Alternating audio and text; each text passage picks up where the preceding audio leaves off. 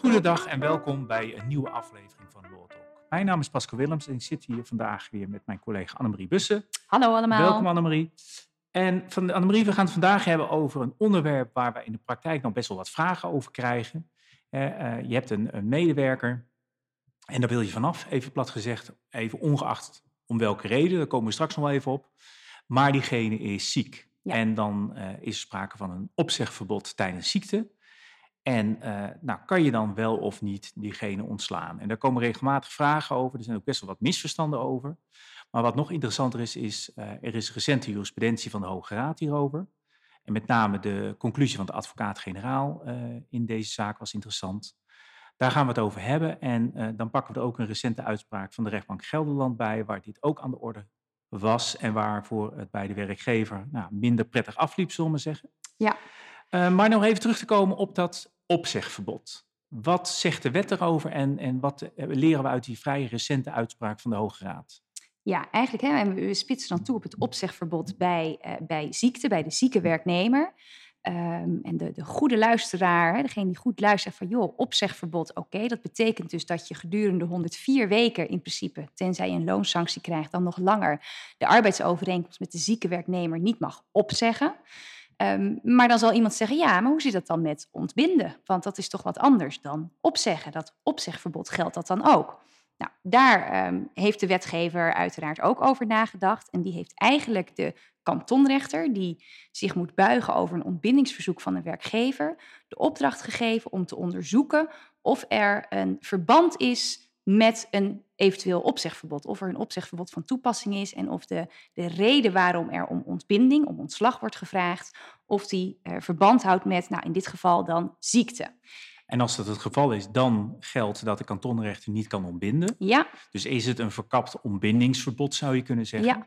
We noemen het het opzegverbod, maar het is een verkapt ontbindingsverbod. Ja, het werd ook altijd wel hè, de reflexwerking van het opzegverbod in de kantonrechtersprocedure gewond, ge, uh, genoemd, met een paar uh, moeilijke woorden.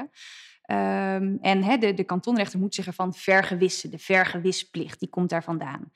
En um, toch nou ja, kun je daar wel uh, discussie over hebben. Want ja, wanneer houdt nou iets verband met ziekte, ja of nee? En um, laten we beginnen bij de uitspraak van de Hoge Raad van 14 april dit jaar. Daarin is er een zaak voorgelegd waarbij een kantonrechter zei: Ik zie geen verband met de arbeidsongeschiktheid van de werknemer, dus ik ga ontbinden op grond van een verstoorde arbeidsverhouding. En, dus daar was kennelijk sprake van iemand die zich ziek gemeld ja. had, arbeidsconflict, niet kunnen oplossen. Ja. En dus ontbinding gevraagd. En nou ja, de, zieke werknemer, dus de, kantonrechter moet toetsen. Is er sprake van een verband? En die heeft gezegd, nou nee. En dus ik kan ontbinden. En uiteindelijk kwam die zaak bij de Hoge Raad ja, terecht. Want ook bij het, uh, de werknemer ging in hoger beroep. Die kwam bij het Hof. En die zei van ja, maar luister, dit ontbindingsverzoek dat houdt wel verband met mijn arbeidsongeschiktheid. En ze had daarbij ook wat medische informatie. Waaruit dan zou blijken dat de verstoring van de arbeidsovereenkomst, dus eigenlijk de reden waarom de werkgever afscheid wil nemen, dat die zou zijn ontstaan door haar gezondheidsklachten. En uh, het Hof beoordeelt dat dan en die zegt van nou nee, ik zie toch geen verband met de arbeidsongeschiktheid, want jouw arbeidsverhouding die was al duurzaam verstoord op het moment dat je arbeidsongeschikt werd. Dus eigenlijk wat het Hof doet, die kijkt van hé, hey, maar hoe is het nou precies gegaan?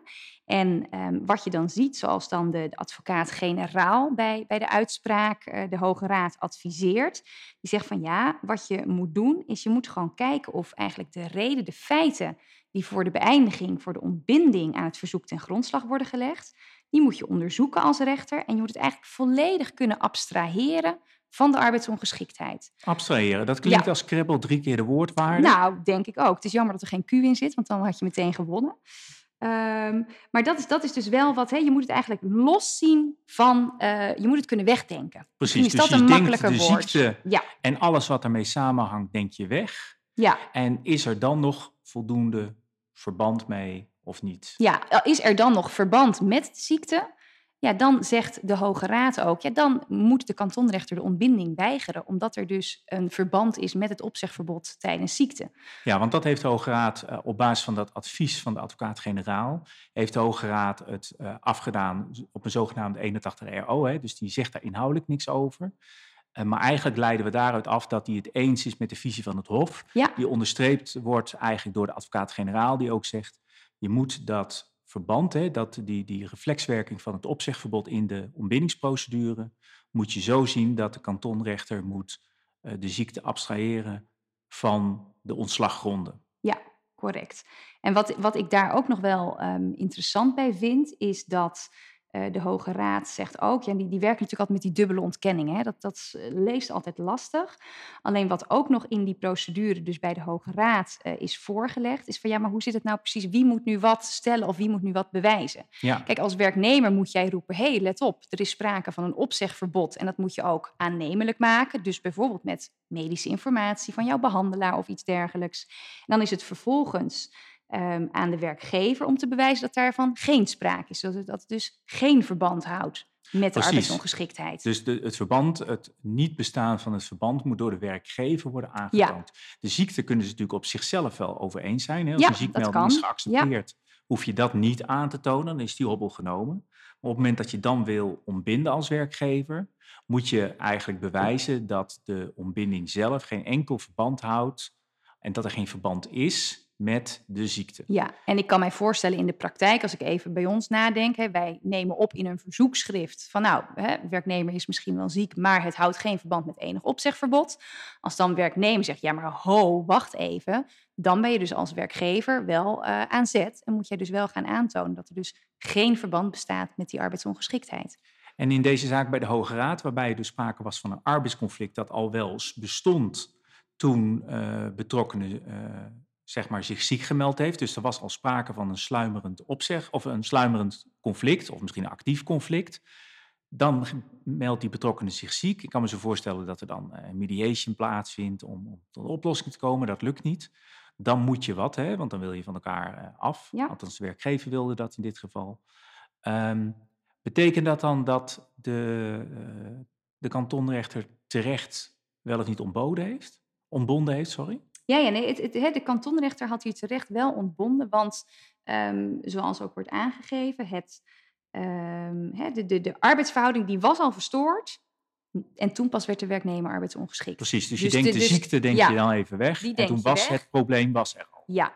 Andersom kan ik me voorstellen dat als er iemand zich ziek meldt en dan pas het conflict naar voren komt, ja dat dan. Dan uh, heb je denk ik als werkgever heb je denk ik een, een, lastig, uh, een lastig punt te bepleiten.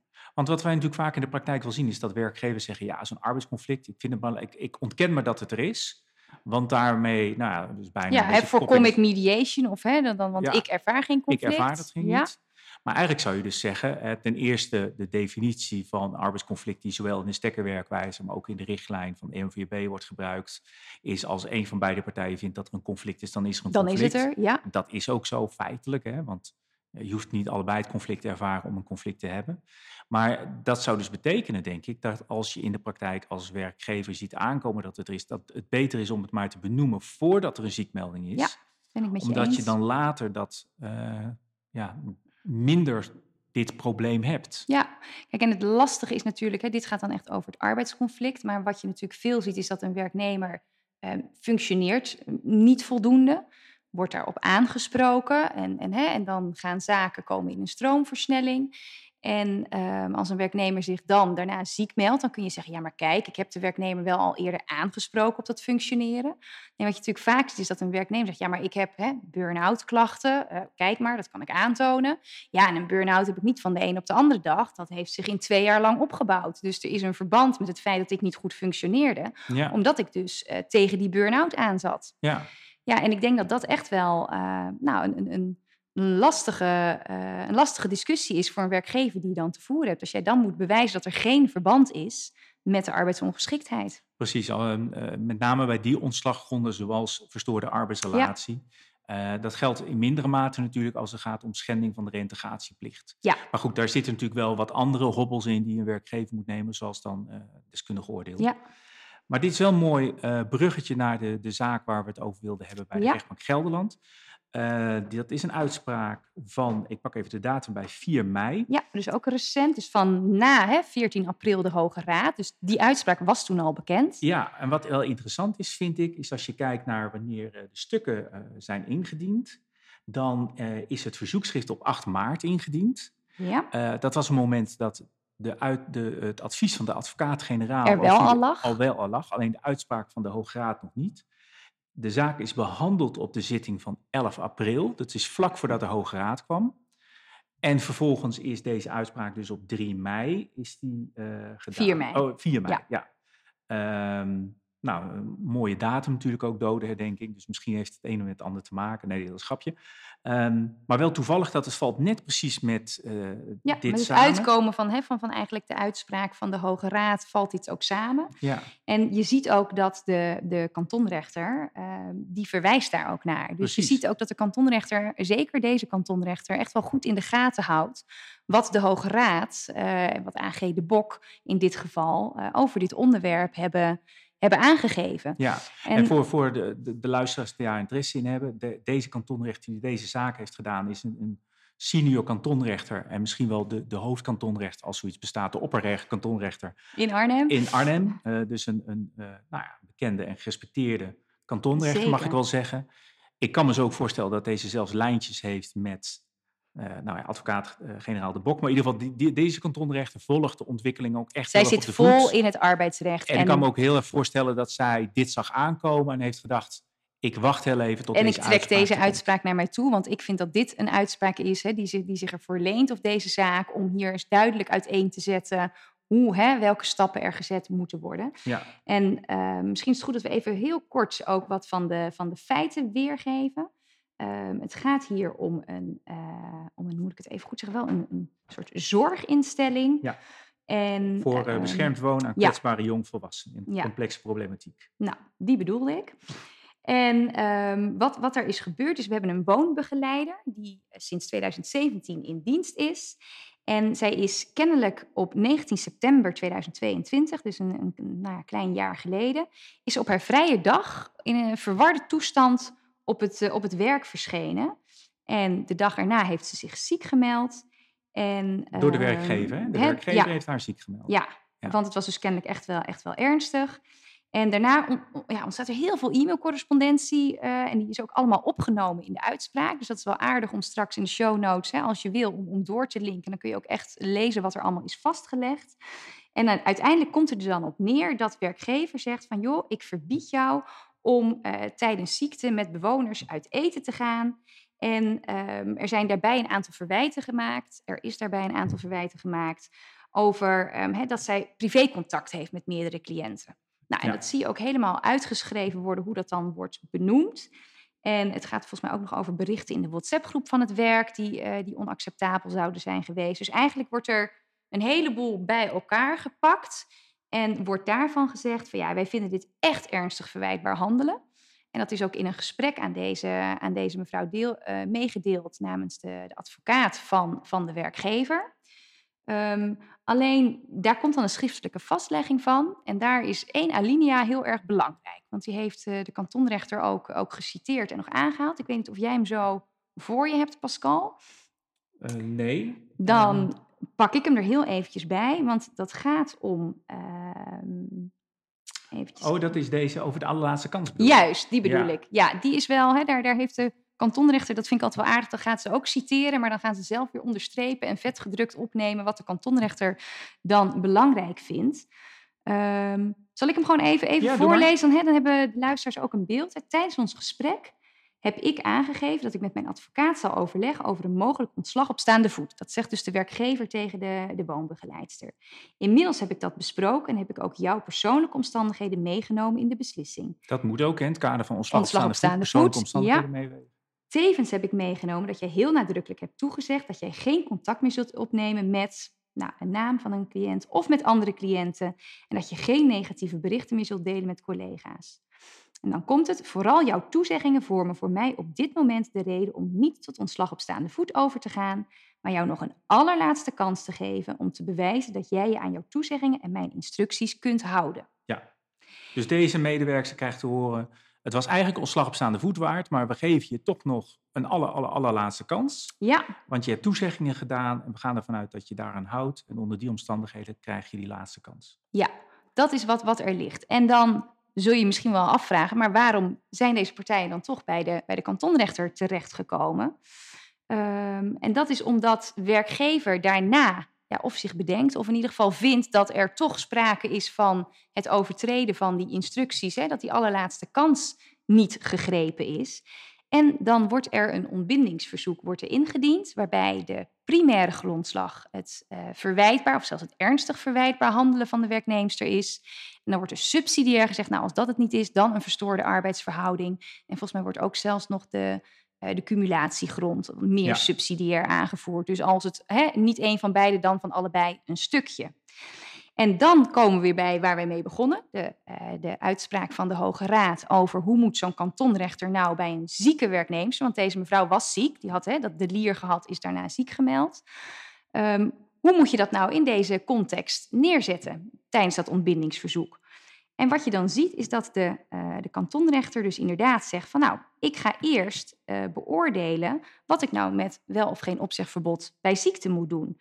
En uh, dan zegt de kantonrechter, nou ja, welke maatstaf moet ik dan hanteren? En dan verwijst ze dus ook gewoon echt naar um, de lijn die de Hoge Raad en advocaat-generaal De Bok hebben aangegeven op 13 april. Het is heel mooi, ze bouwt het op. Hè. Ze zegt Ja. eerst wetgeving, kijk ze naar. Toen die regel erin is gekomen, is er vrij weinig aandacht aan besteed. Ja, Het is dus het eigenlijk is één niet- op één overgenomen met de WWZ dat er geen wijziging beoogd is. Precies, dus de wetgever heeft niet een duidelijke uitleg gegeven van hoe we ernaar moeten kijken. Dus dat biedt geen aanknopingspunten. Hè. Als de tekst ter discussie staat, ga je kijken, oké, hoe is het bedoeld? Maar daarvan zegt ze, nee, dat, dat kunnen we er niet uithalen. Maar dan kijkt ze vervolgens inderdaad naar de uitspraak van, eh, van de Hoge Raad en het advies van advocaat-generaal De Bok. En dan komt ze inderdaad tot die abstraheerplicht die je dan hebt. Of het abstraheren van eh, de, de ziekte ten opzichte van de ontslaggrond. Ja, kijk, en wat de, eh, wat de kantonrechter dan doet, dan zegt zij, ja, maar wat ik zie, hè, dus, dus dat, dat appcontact en die privécontacten met die, eh, met die cliënten, daar heeft deze werknemster nog een laatste kans voor gekregen. Op 22 november 2022. En dat ze dus na die allerlaatste kans opnieuw privécontacten heeft gehad, ja, dat is niet gesteld of gebleken. Waren andere redenen die eraan te grondslag werden gelegd. Ja, en ze zegt dus, oké, dus het ontbindingsverzoek wegens verwijtbaar handelen, dat wijs ik af. En ik hoef dan dus niet te kijken of het nog verband houdt met ziekte voor die E-grond, voor de verwijtbaar handelen. En dan vervolgens zegt ze van, nou, er wordt ook nog ontbinding gevraagd wegens een verstoorde arbeidsverhouding. Dat ga ik ook afwijzen, want onvoldoende aannemelijk is geworden dat de omstandigheden die daaraan ten grondslag zijn gelegd, geen verband houden met de ziekte van werknemster. Nou, dat zijn een heleboel ontkenningen weer in één zin. Maar eigenlijk zegt ze van ja, uit de e-mailcorrespondentie is wel duidelijk geworden dat die verstoorde arbeidsverhouding, ja, die is eigenlijk vooral ontstaan omdat de werknemster op 19 september in die verwarde toestand op het werk is verschenen. Ja, en dat het dus verder verstoord is geraakt voor de gebeurtenissen die daarop allemaal volgden. Precies. En dus zegt de kantonrechter, ja, ik zie wel dat de arbeidsrelatie op dit moment ernstig verstoord is, maar de meeste gebeurtenissen, ja, die kunnen niet los worden gezien van de ziekte van werknemster. Maar volgens mij, als je ook kijkt naar wat de kantonrechter zegt over die vastlegging van dat gesprek. Hè, naar, eh, dat, dat, er is dus overleg geweest met de advocaat. En dan is gezegd van nou, we geven je nog die laatste kans. En dan bevestigen we je als, omdat je toegezegd hebt dat je dat contact niet meer zult hebben en niet negatief zult uitlaten, eh, krijg je die laatste kans. Daar is dus niet aangekoppeld. Of als je opnieuw schuldig maakt aan andere oorzaken, redenen. En doordat die koppeling ontbreekt, is die koppeling met de feiten die daarna er nog bij zijn gekomen, die zeg maar opnieuw een druppel zijn die de emmer doet overlopen. Eigenlijk voor de verstoorde verhouding. Ja, zegt de kantonrechter eigenlijk, ja, weet je, het ging echt om dat contact hebben met cliënten en met collega's. Dat was, daar, moest ze voor daar is ze voor gewaarschuwd. Heeft Kreeg ze laatste die kans. allerlaatste kans? Dat heeft ze ook niet meer gedaan. Dus moet kan je dan niet dat er alsnog bijpakken om tot ontslag te Verstoor- komen. En de verstoorde verhouding. Eh, Want dat, hè, daar kijkt de kantonrechter, hè, die, die knipt dat eigenlijk een soort van los. En die zegt, ehm, ja, voor, voor die verstoorde verhouding zie ik alleen maar zaken die mogelijk wel verband houden met de arbeidsongeschiktheid. En dus kom ik dan bij het opzegverbod uit en ga ik niet ontbinden. Stel nou dat de werkgever wel vastgelegd had van nou, deze omstandigheden, maar ook als je opnieuw schuldig maakt. Op welke wijze dan ook ons vertrouwen schaadt. Hè, of wat dan ook. Ja, Ja. Ja, Zou dan het opzegverbod het al ook in, in de weg hebben gestaan? Of zou je bij dat soort verwijtbaar handelen ehm, dan ook gered kunnen worden door dat opzegverbod? Nou, ik denk dat de, de rechter had dan denk ik wel ook voor die optie kunnen gaan. Kijk, nu zegt de kantonrechter eigenlijk, ja, het, de E-grond, dat is niet vastgesteld na die laatste kans dat dat nog heeft plaatsgevonden. Ehm, en voor die verstoorde verhouding, ja, zie ik toch echt dat ik, hè, ik, heb, ik, ik zie die verwarde toestand en daarna gaat het allemaal mis. Ik denk als je hem onder, dus eigenlijk onder die E-grond had getrokken, die ze wel ook hè, daarvan loskoppelt, ja, dan had het denk ik voor de werkgever misschien wel anders kunnen aflopen. Want daar heb je dus minder last van het opzegverbod. Nou ja, minder last van het opzegverbod. Um, dat, zijn, dat zijn feiten waarvan de rechter zegt, ja, daarvan kan ik vaststellen, dat houdt geen verband met ziekte. Ja. Het feit dat je die privécontacten onderhoudt, et cetera. Ja, dus eh, eigenlijk zou het hier beter zijn geweest als die werkgever dat er ook onder had geschaard. Althans, als die bevestiging van het gesprek uh, beter was geweest. Dat is wel, denk ik, wat we hier ook uit. Uh, nou, ik denk dat dan in ieder geval de kantonrechter ook voor, voor zeg maar, hè, de ontbinding had kunnen gaan. Ja. Maar goed, dat is, dat is natuurlijk wel altijd lastig, want je moet het doen met wat je hier ziet staan, natuurlijk, in de, in de uitspraak. Ja, maar, dat is wel de tip wat we mee kunnen geven van. Vaak sta je hier dus blind op iets wat er gebeurt en zeg je, ja, ik krijg de laatste waarschuwing, doe dat niet meer. Maar de praktijk leert natuurlijk dat als iemand dan nog een keer de fout in gaat op... Op welke manier dan, dan, ook. Dat voor klanten van ons vaak de maat vol is. Zeggen, nu ben ik het zat, nu moet diegene eruit. Maar dat die waarschuwing eigenlijk dan je mogelijkheden beperkt. Dus daarom is die vastlegging daarvan is, uh, minstens net zo belangrijk als die gesprekken die je met de mensen voert. Absoluut. Misschien nog wel, in die zin misschien nog wel belangrijker. Want dat is wat de kantonrechter toetst. Die leest gewoon van wat staat er, waar is een waarschuwing voor gegeven... en wat is er daarna wel of niet gebeurd en aangetoond door de werkgever. Persoonlijk vind ik dat, dat abstraheren is best technisch, hè, best ingewikkeld. Ik vind het heel lastig. Ik vind het heel en dat hoor je van, van meer uh, advocaten en juristen. Dus uh, ja, de Hoge Raad heeft dat verduidelijkt. Maar als het zelfs voor ons advocaten soms lastig is, kan ik me voorstellen dat de gemiddelde werkgever daar helemaal veel moeite mee heeft. Uh, en misschien ook wel kantonrechters. Hè. Deze kantonrechter legt het wel, vind ik, haarfijn uit. Maar misschien leende de situatie zich daar ook wat meer voor dan in andere gevallen. Um, zou je kunnen zeggen dat het ontslaan van een zieke werknemer hierdoor makkelijker of moeilijker is geworden? Ja, het klinkt heel flauw, hangt af van de feiten. Nee, maar ik denk als jij inderdaad gewoon echt al een arbeidsconflict hebt, dat er al uh, gesprekken zijn geweest en dat dan een werknemer zich ziek meldt, ja, dan is het misschien makkelijker, want dan kan een kantonrechter op grond van die feiten zeggen, ja, maar het was al hè, verstoord. Dus het houdt geen verband met. Um, aan de andere kant, het voorbeeld wat ik al gaf, hè, bij, bij, bij onvoldoende functioneren of, of nou, inderdaad, burn-out-achtige klachten. Dat iemand zegt, ja, maar ik reageerde toen zo opgefokt, want ik liep al op mijn tandvlees. En ja, dat houdt dus hè, dat ik me pas een maand later heb ziek gemeld. Maar ik was eigenlijk al ziek. Ik heb juist, hè, uit loyaliteit ben ik maar doorgegaan en doorgegaan. Ja, ik denk dat het in die situatie juist weer lastiger wordt. Ik denk inderdaad ook hoor. Vooral dat abstraheren, daar wordt natuurlijk straks heel veel aandacht aan besteed, omdat dat best ingewikkeld is. Kijk, elke werknemersadvocaat die een zieke werknemer bijstaat, gaat nu natuurlijk zeggen: ja, maar kijk maar, ik heb deze klachten en dat hè, is niet van de een op de andere dag. Dus beste werkgever, toont u maar aan dat het geen verband houdt met de ziekte. Precies. En dat is best ingewikkeld. Dat is best ingewikkeld. Ja. Maar ja, goed, ik, ik hoop toch dat de luisteraars hier iets mee kunnen. Al is het alleen maar om te horen, ah, het ontslaan van een zieke werknemer via de kantonrechtontbinding is niet per se onmogelijk. Dat sowieso. Zeker niet, nee. Um, is het ingewikkeld? Ja, dat is het wel. Uh, dus pas goed op en vooral de, de vastlegging en verslaglegging en ook uh, de, de volgorde van waarin dingen gebeuren is daarin ook belangrijk. Um, en de ervaring leert dat als je eh, te laat advies inwint bij dit soort dingen, uh, dat uh, ja, dingen soms later wat moeilijker te repareren zijn voor ons. En dat je dan soms er toch tegenaan loopt dat zo'n opzegverbod ook tijdens de ontbindingsprocedure doorloopt. En uh, ja, dat je dan daardoor beperkt wordt in, in de juridische mogelijkheden althans. Ik wil iedereen weer hartelijk bedanken voor het luisteren. ik hoop dat jullie het leuk vonden, interesse of geïnteresseerd waren hierin. En nou, graag tot de volgende keer. Tot de volgende keer.